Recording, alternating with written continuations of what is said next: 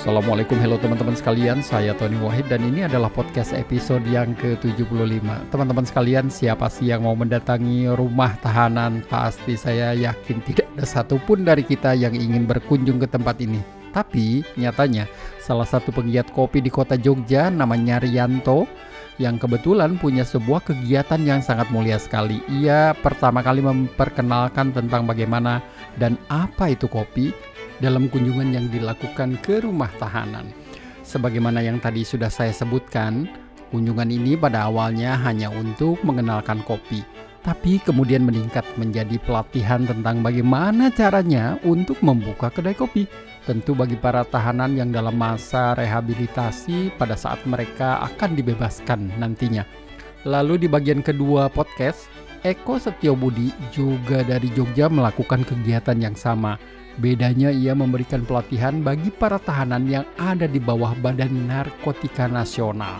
Buat kita semua, keduanya sudah melakukan sebuah pendekatan kemanusiaan kepada para penghuni rumah tahanan, yaitu kembali memanusiakan individu yang sudah dianggap sebagai beban masyarakat. Mungkin kita harus mencontoh keduanya saat kopi bisa dijadikan sebuah awal perubahan sikap dan perilaku siapa pun ke arah yang lebih baik.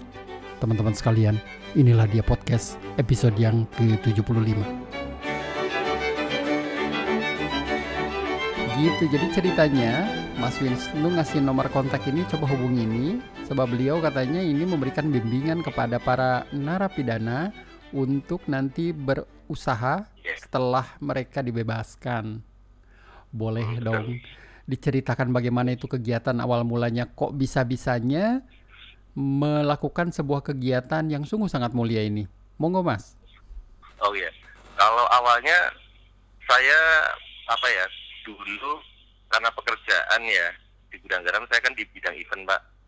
Oh di bidang event oke. Okay. Kerja mm-hmm. oke okay, kerja nggak nggak nggak teratur pulang pagi apalagi kalau eventnya di night club kayak gitu kan. Jadi apa ya kayak hidup itu kayak teratur. Nah pada satu titik saya ketemu nih sama teman-teman kopi yang saya rasa kok orangnya ini ya apa dalam arti kalau di bidang kopi itu orangnya nggak aneh-aneh gitu lah. Itu sih simulanya gitu. Yeah. orangnya nggak aneh-aneh baik-baik secara pemikiran mereka mapan gitu. Mm-hmm. akhirnya saya kontak dengan mereka terus tertarik di bidang kopi. Nah pada satu titik juga saya senang bikin acara dulu sifatnya lebih banyak fun mbak. Nah, saya punya komunitas namanya kerabat ngopi Mm-hmm.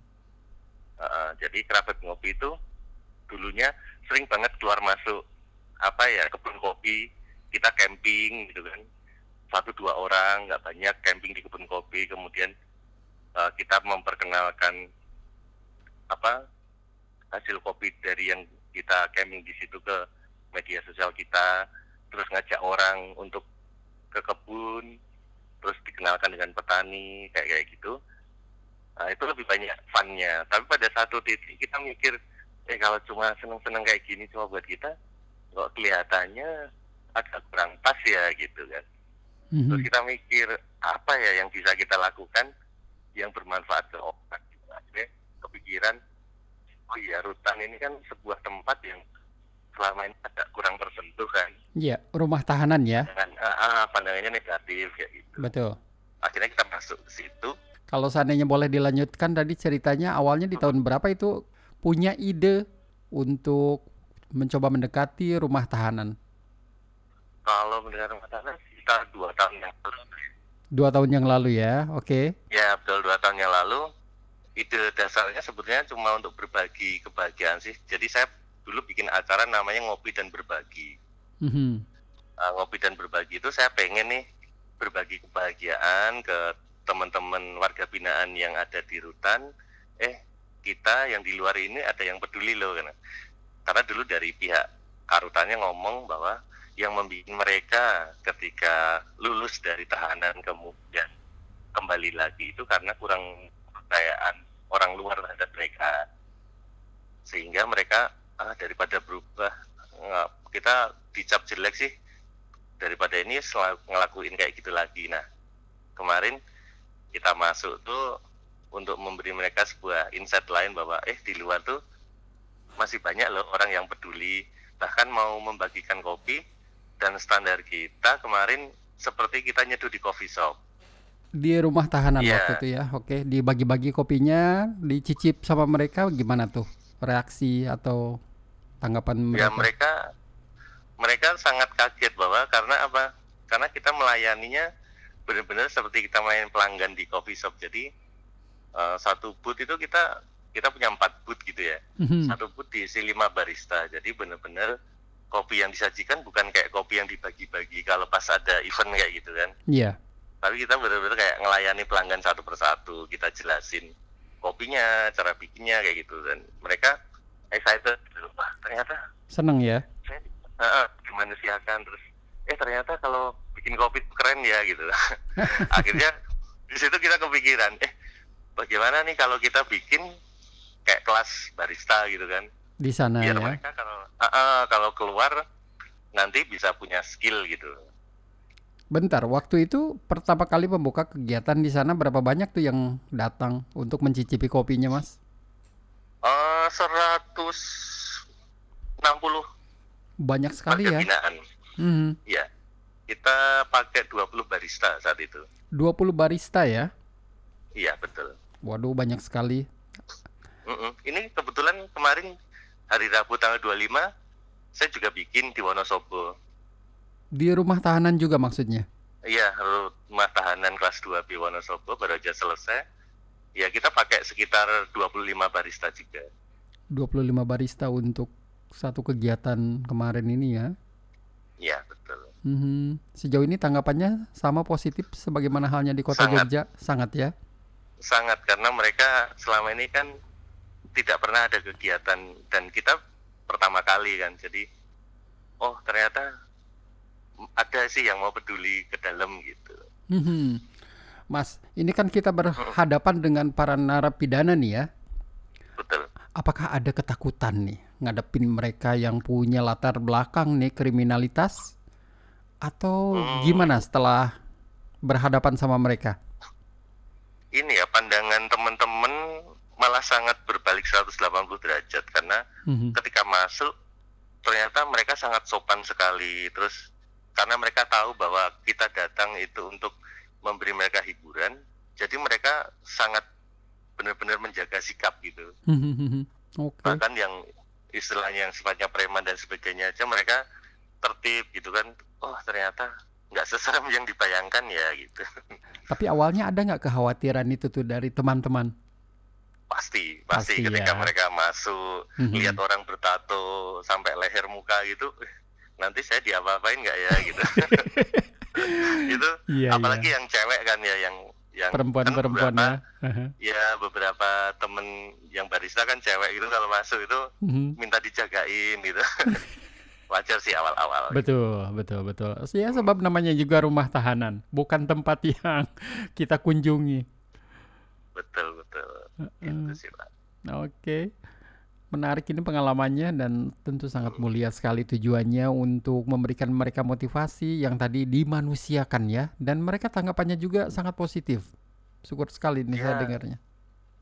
yang kerennya sih dia Bantul dia terus ini ya merespon ini kita tiktokan kita itu dari pertama cuma berbagi kopi kemudian kita punya pelatihan. Mungkin kalau barista agak terlalu tinggi ya. Mhm, jadi pelatihannya tentang cara bikin kopi dan sebagainya lah gitu. Mhm. akhirnya di ini difasilitasi mereka buka coffee shop namanya Cafe Gumrega Di dalam Di rumah tahanan. betul. Namanya Jadi apa sekali lagi, Mas? Cafe Gumrega Apa itu maksudnya itu? Ada makna? Gumrega Gumrega itu kalau dalam bahasa Jawa sebetulnya bergerak ya bangkit bergerak gitu. Hmm, hmm, hmm. bangkit Jadi- bangkit kembali ya. ya bangkit kembali dan bergerak. Dibikin coffee shop yang menurut saya sih sangat keren ya. Hanya juga cukup bagus kopinya asli yang mereka sendiri dan mereka digaji Nah, itu yang saya suka Digaji oleh Ya. pemerintah setempat. Eh, bukan jadi kalau mereka nge-shift gitu Mhm. di Cafe Gumrega itu nanti mereka kita akhirnya kerjasama nih dengan Bank BRI kemarin. Mhm. Jadi setiap satu shift mereka akan dapat pendapatan sekian ribu contohnya. Nah Hmm. itu diakumulasi setiap bulan transfer ke rekeningnya mereka.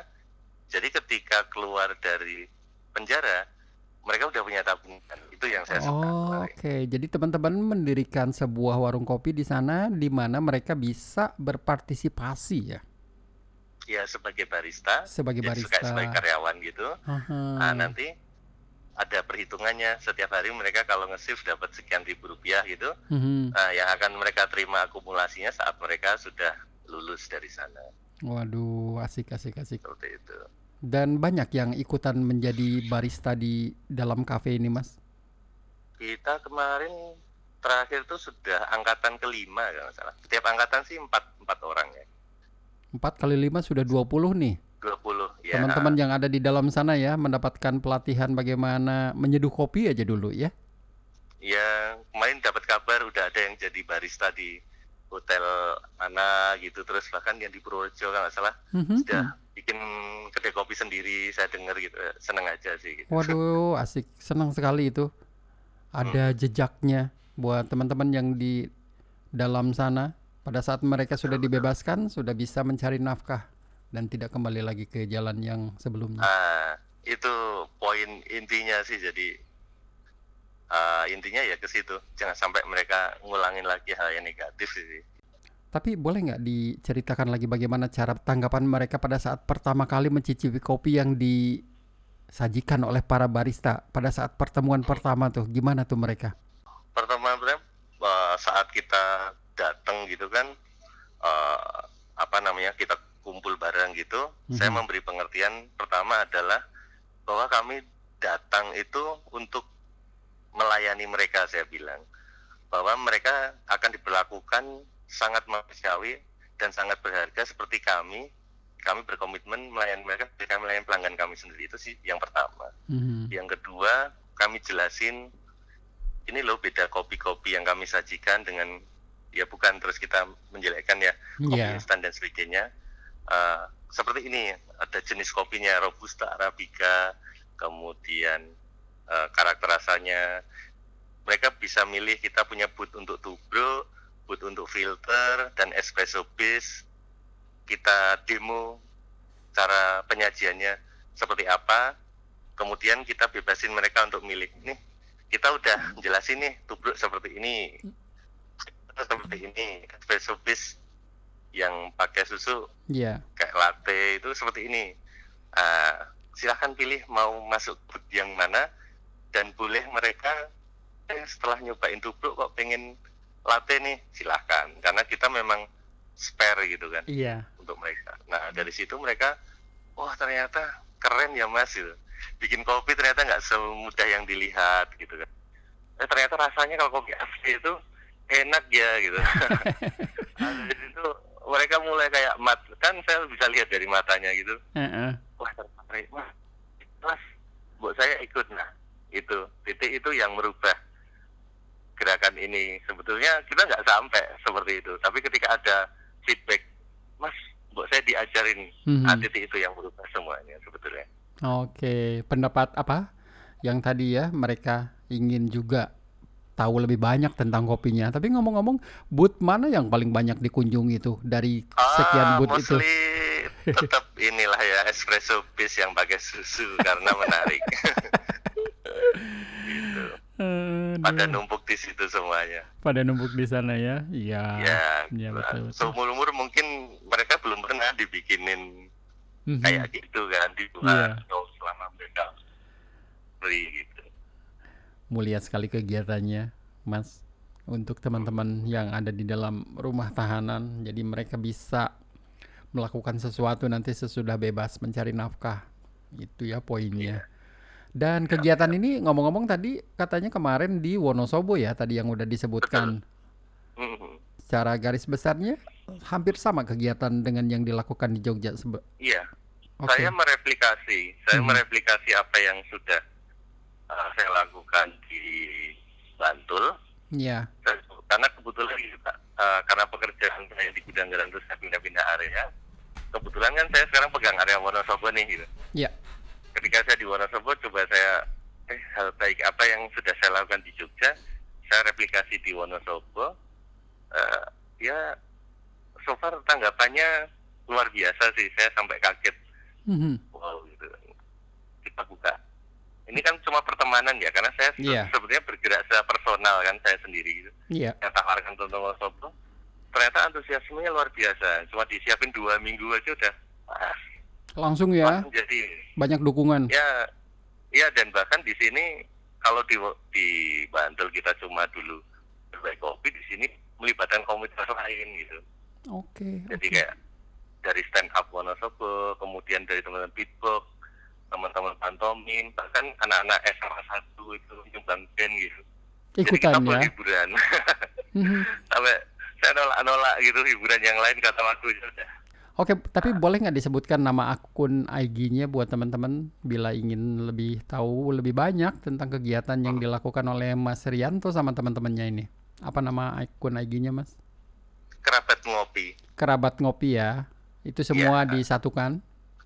Iya, ah, ada di situ semua kegiatan kita dari yang sifatnya have fun sampai yang sifatnya sosial kita di situ. Oke.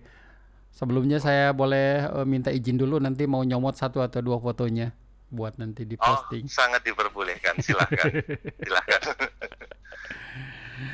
Oke. Nah, nanti setelah Wonosobo pindah lagi kegiatannya ke mana nih? Atau belum tahu sesuai dengan penugasan nanti pekerjaannya? Kalau plan sih kemarin yang Aha. minta sih sudah dari teman-teman komunitas di Temanggung. Karena kebetulan pas saya bikin acara di Wonosobo, dari Temanggung tuh pada datang Hmm, teman-teman penggiat kopinya terus mereka terlibat excited gitu. Mas Rianto mbok ini dibikin di Temanggung kita siap support nanti kayak gitu. Oh, oh bisa. Terus dari Kudus saya kemarin juga minta. Tapi karena saya bilang eh, saya personal jadi jujur karena tidak punya tim ya sesempat saya seperti itu sih Iya, maklum masalahnya kan Mas Rianto juga masih punya pekerjaan di gudang garam, punya kafe sendiri, tapi masih sempat melakukan kegiatan sosial buat teman-teman di lembaga pemasyarakatan. Itu kan luar biasa, Thomas. mumpung bisa berbuat baik pak Mumpung bisa berbuat baik, sebuah ide yang mungkin didapatkan pada saat permenungan di gunung, ngapain ini ya, having fun melulu, tapi bagus sekali. iya betul Hmm, hmm. Iya. Mudah-mudahan nanti kita ketemu di kota Jogja pada saat nanti ada eventnya. Ah, minimal kita bersalaman, saling berkenalan. Maklumlah ini Siap. adalah komunikasi pertama. Saya belum pernah ketemu sama sekali. Hmm. Jadi Siap, tapi saya senang mendengarkan sebuah informasi yang sangat bermanfaat sekali. Sungguh Iya. sangat bermanfaat dalam hal masalahnya ini adalah sebuah kegiatan. Kalau orang kan ya kegiatan sosial CSR CSR ini sih memang betul dilaksanakan di dan di tempat yang kayaknya banyak yang belum mau menyentuh nih Mas. siap siap Betul. Siapa sih yang mau ke penjara ya? betul Iya. Ya mungkin nanti kalau mas di Jogja Pak Tony Longgar eh, berjodoh mungkin kita bisa lanjut ngobrol-ngobrol. Boleh, boleh dengan senang hati tentunya. Saya yang sangat terima kasih sekali kesempatan kita ngobrol singkat ini. Sungguh sangat membukakan wawasan saya juga dan teman-teman sekalian. Mungkin itu saja dulu Mas. Terima kasih atas waktunya dan mohon maaf mengganggu ini lagi di Wonosobo rupanya. Sangkain saya masih ada di kota Jogja atau Bantul. Sampai ketemu di kota Jogja. Selamat malam Mas Rianto. Teman-teman sekalian, selanjutnya dalam bagian kedua podcast ini yuk kita lanjutkan kisah singkat Eko Setio Budi dengan aktivitasnya dengan para tahanan narkotika. Malam Mas Eko. Halo. Mas. Selamat malam.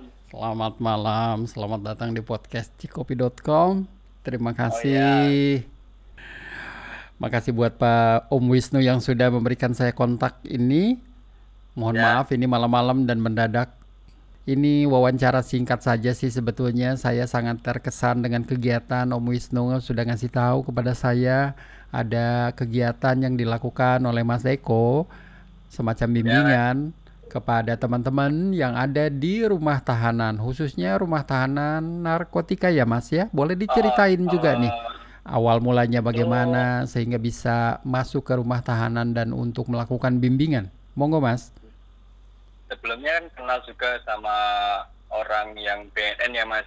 Oke. Untuk itu ngasih ada pasca pasca apa rehab itu gimana Mas kalau dikasih pelatihan biar orang-orang yang pasca rehab ini untuk mempunyai wawasan gimana sih setelah rehab ini ke terjun ke masyarakat. Nah itu di kontak Mas Sam terus untuk dikasih pelatihan kopi Mas Oke. mengenai Mhm. uh, sharing-sharing gimana sih gimana caranya untuk memulai usaha kopi gimana uh, untuk menyeduh kopi mengenal tentang kopi lah mas Jadi awalnya dikenalkan dulu ya kopi apa Ah. dan bagaimana, kemudian dikasih tahu juga bila berminat ingin melakukan bisnis nanti setelah bebas gitu mungkin. setelah rehabilitasi ya. itu, uh, Tapi ngomong-ngomong itu rehabilitasi biasanya berapa lama sih Mas Eko di sana teman-teman yang ada di dalam itu? untuk rehab sendiri itu ada tahapannya sendiri ya mas Mhm. Uh, itu yang terakhir itu kan yang pasca udah mau terjun ke masyarakat itu baru dikasih pelatihan kayak gitu Oke, jadi yang Alhamdulillah sudah mau bebas ya. dua kali Uh, Hmm, hmm. Tapi biasanya berapa lama mereka melakukan apa ada di dalam itu sampai selesai itu? Biasanya kayak pelatihan sendirinya itu kurang tahu sih mas apa di pasca di pasca rehabnya aja Oh, oke, Nah, ya. uh, Jadi d- datanglah ke sana dan melakukan pelatihan. uh, Oke. ya ke BNN Jogja Di BNN di Kota Jogja ya. Dan Ya. itu rumah tahanannya ada di Kota Jogja juga. iya mas di kan ada BNN Jogja kota sama provinsi itu yang provinsi Yang provinsi ya, tapi ada di Kota Jogja tempatnya ini. ada di Jogja Oke, boleh diceritain tuh bagaimana nih awal mulanya ke- eh, pada saat melakukan eh, pelatihan atau pengenalan tentang kopi kepada teman-teman yang ada di dalam sana. Uh, awalnya kayak uh, itu kan dunia yang beda banget ya mas dulu dunianya yang orang-orang kayak gitu kan terus kasih dunia yang baru ya ada yang tertarik banget terus ada yang cuek-cuek aja tapi kan kita sebagai apa ya ngasih pelatihan terus ya gimana caranya orang-orang ini biar semangat untuk lepas dari dunia itu sih mas Tujuan utamanya ya supaya mereka Ya. tidak kembali lagi ke dunia yang satu ini. Uh, Mhm. lebih memberikan semangat aja sih mas Ngasih semangat kepada mereka supaya yang tadi itu tidak kembali mengulangi perbuatannya. Tapi eh, apa yang diberikan materinya pada saat pelatihan, Mas? Secara spesifiknya. materi, Hmm. materi sendiri untuk pengenalan jenis-jenis kopi terus gimana nyeduh terus gimana untuk memulai bisnis yang kecil misal tahap-tahap gede gitu mas misal ada yang berminat ntar dikasih pelatihan dikasih bimbingan dikasih support lah mas dari kitanya Dari Mas Mas Ekonya sendiri diberikan Ah, supportnya ya. Dalam bentuk apa tuh dukungan yang diberikannya, Mas? supportnya bisa pelatihan terus misal butuh apa dikasih informasi dibimbing lah mas kembangannya Dibimbing ya. Nah, ini Oh, udah berapa lama nih melakukan kegiatan ini kepada teman-teman? kegiatan Mhm. sendirinya udah dua kali ini mas kan yang berapa ya tiga bulan lalu sama minggu dua minggu kemarin Dua minggu kemarin. Sudah ada berapa Ya. banyak yang mengikuti kegiatan ini? untuk targetnya sendiri itu ada yang 20 orang tapi yang datang sekitar 10 sampai 8 orang Iya, nggak mudah ya, memang. uh, nyesuaiin jadwalnya juga kan mas Mhm. Tapi mereka kebanyakan bagaimana nih sikapnya pada saat mela- em, apa ada di dalam kelas atau pada saat ruangan pelatihan berlangsung? Iya, gimana reaksi mereka atau tanggapannya kebanyakan? reaksi sendiri sih untuk beberapa yang pertama tuh kayak tertarik mas di dunia kopi itu tertarik. Ada yang basicnya emang ada punya kebun kopi terus gimana ngolahnya itu ada juga. Ada yang pengen membuka bisnis di Jogja. Itu kan kadang juga kurang apa ya mas kurang link kan kurang eh, mau ke mana nih aku nih misal mau buka kayak gini kan Oh, kurang mhm. kurang komunikasi itu Awalnya ya mereka tidak tahu langkahnya mesti ke mana dulu, mungkin gitu ya. Mhm. Mas Eko nggak takut Oke. masuk ke dalam rumah tahanan para pecandu? Oh enggak sih mas, Eh, kayak orang-orang gitu sih ya asik mas orang-orang ya masih masih bisa jajak ngobrol nggak nggak yang terlalu. Aku pikir dulu kan kayak oh, udah takut duluan kan mas, setelah masuk ya sama Biasa aja ya. orang-orangnya bisa jajak ngobrol asik juga. Oke. Iya iya iya. Dan tadi Mas Rianto juga sama juga. Nyatanya ya biasa aja katanya mereka walaupun punya latar belakang yang apa di bidang hukum Ya. narapidana ya tapi pada saat ngobrol ya biasa aja gitu. Nah rencana ke depannya bagaimana ini kegiatan-kegiatan ini apakah akan diperluas lagi ke tempat-tempat yang lain atau saat ini masih berpusat di ya kalau Jogja? ada yang misal membutuhkan kita untuk memberikan pelatihan, memberikan apa ya dengan senang hati mas sebisanya kita bisa membantu lah Hmm, hmm, hmm. untuk ke depannya. Iya mulia sekali Mas Eko. Ya. Dan selain Mas Eko siapa lagi yang ngasih pelatihan di dalam kelompok ini? Untuk pelatihan sendiri baru aku aja sih mas kemarin ya sama Mas Fani dari komunitas juga. Jadi hanya berduaan saja untuk sementara ini ya. Ya, Hmm, waduh. Oke, dan mudah-mudahan nanti kegiatannya tambah punya manfaat atau dampak yang lebih luas lagi kepada teman-teman yang di sana ya, Mas ya, Eko. ya, Mhm. Dan nanti mungkin boleh dikirimkan juga satu atau dua foto kepada saya oh ya, eh, kegiatan pada saat melakukan pelatihan atau apa saja buat dokumentasi Oke, aja Mas. sih. Mhm. Sama minta ini aja nama lengkapnya. Takut salah Mas di Oh, iya. WA aja ya. ya, Mas Eko, itu saja sih eh, informasinya. Terima kasih malam-malam. Ini hanya sebuah percakapan singkat yang nanti akan saya satukan dengan podcast sama Mas Rianto yang tadi sudah saya interview juga. Tapi saya salut kepada teman-teman yang Mas Rianto, Mas Eko mau melakukan hal-hal yang mungkin susah nih buat teman-teman atau buat saya. Mm, Susah nih Mas. Ini kegiatan yang nggak gampang ya. Tantangannya Ya, ya. banyak. Udah bisa dibayangkan. sih mas. Betul, betul. Saya tentunya mendukung dan ingin menyebarluaskan informasi ini kepada teman-teman sekalian bahwasanya di Jogja sana ada teman-teman yang melakukan sebuah kegiatan mulia kepada orang yang mungkin sudah tidak punya harapan. Dan mereka nanti pada saat keluar bisa independen dan mencari uang sendiri dan tidak mengulangi perbuatan tentunya ya Mas Eko. Ya, Mhm. yang penting dijaga semangatnya aja sih mas. Dijaga semangatnya ya. Tapi mereka memang putus asa atau bagaimana nih pada saat Eh, interaksi? basicnya macam-macam sih mas latar belakangnya ada yang pengaruh dari lingkungan, ada yang dari dirinya sendiri, Hmm, hmm, hmm. macam-macam juga dari basic kejadiannya gitu. Tapi kebanyakan itu dari lingkungan ikut-ikutan dulu awalnya, kemudian Ah, ketagihan. lingkungan juga pengaruh, terus dari dirinya sendiri godaan itu kan utamanya kan dari diri sendiri juga mas. Mhm. Kalau dirinya sendiri nggak kuat eh, nebeng gitu, ya rada susah juga kalau perlindungan diri nggak nggak kuat. Misal Hmm. udah rehab nih, itu kan harus harus ada lingkungan juga mendukung, dari dirinya juga ada semangat untuk ah nggak lagi lah. Iya. Kalau enggak ya masuk kembali ke lingkaran setan itu ya. Ya, iya, ya harus lingkungan mendukung semua saling support lah mas. Betul betul. Semoga niat mulianya terus dilaksanakan, Mas. Saya tentunya dengan teman sangat mendukung sekali. Ya, Mas Eko, terima kasih waktunya yang sangat singkat ini dan Ya, nanti mudah-mudahan nanti kita ketemu nanti di Kota Jogja pada saat ada event Malioboro Coffee. Night Terima kasih sekali waktunya sekali lagi. Selamat malam Mas Eko.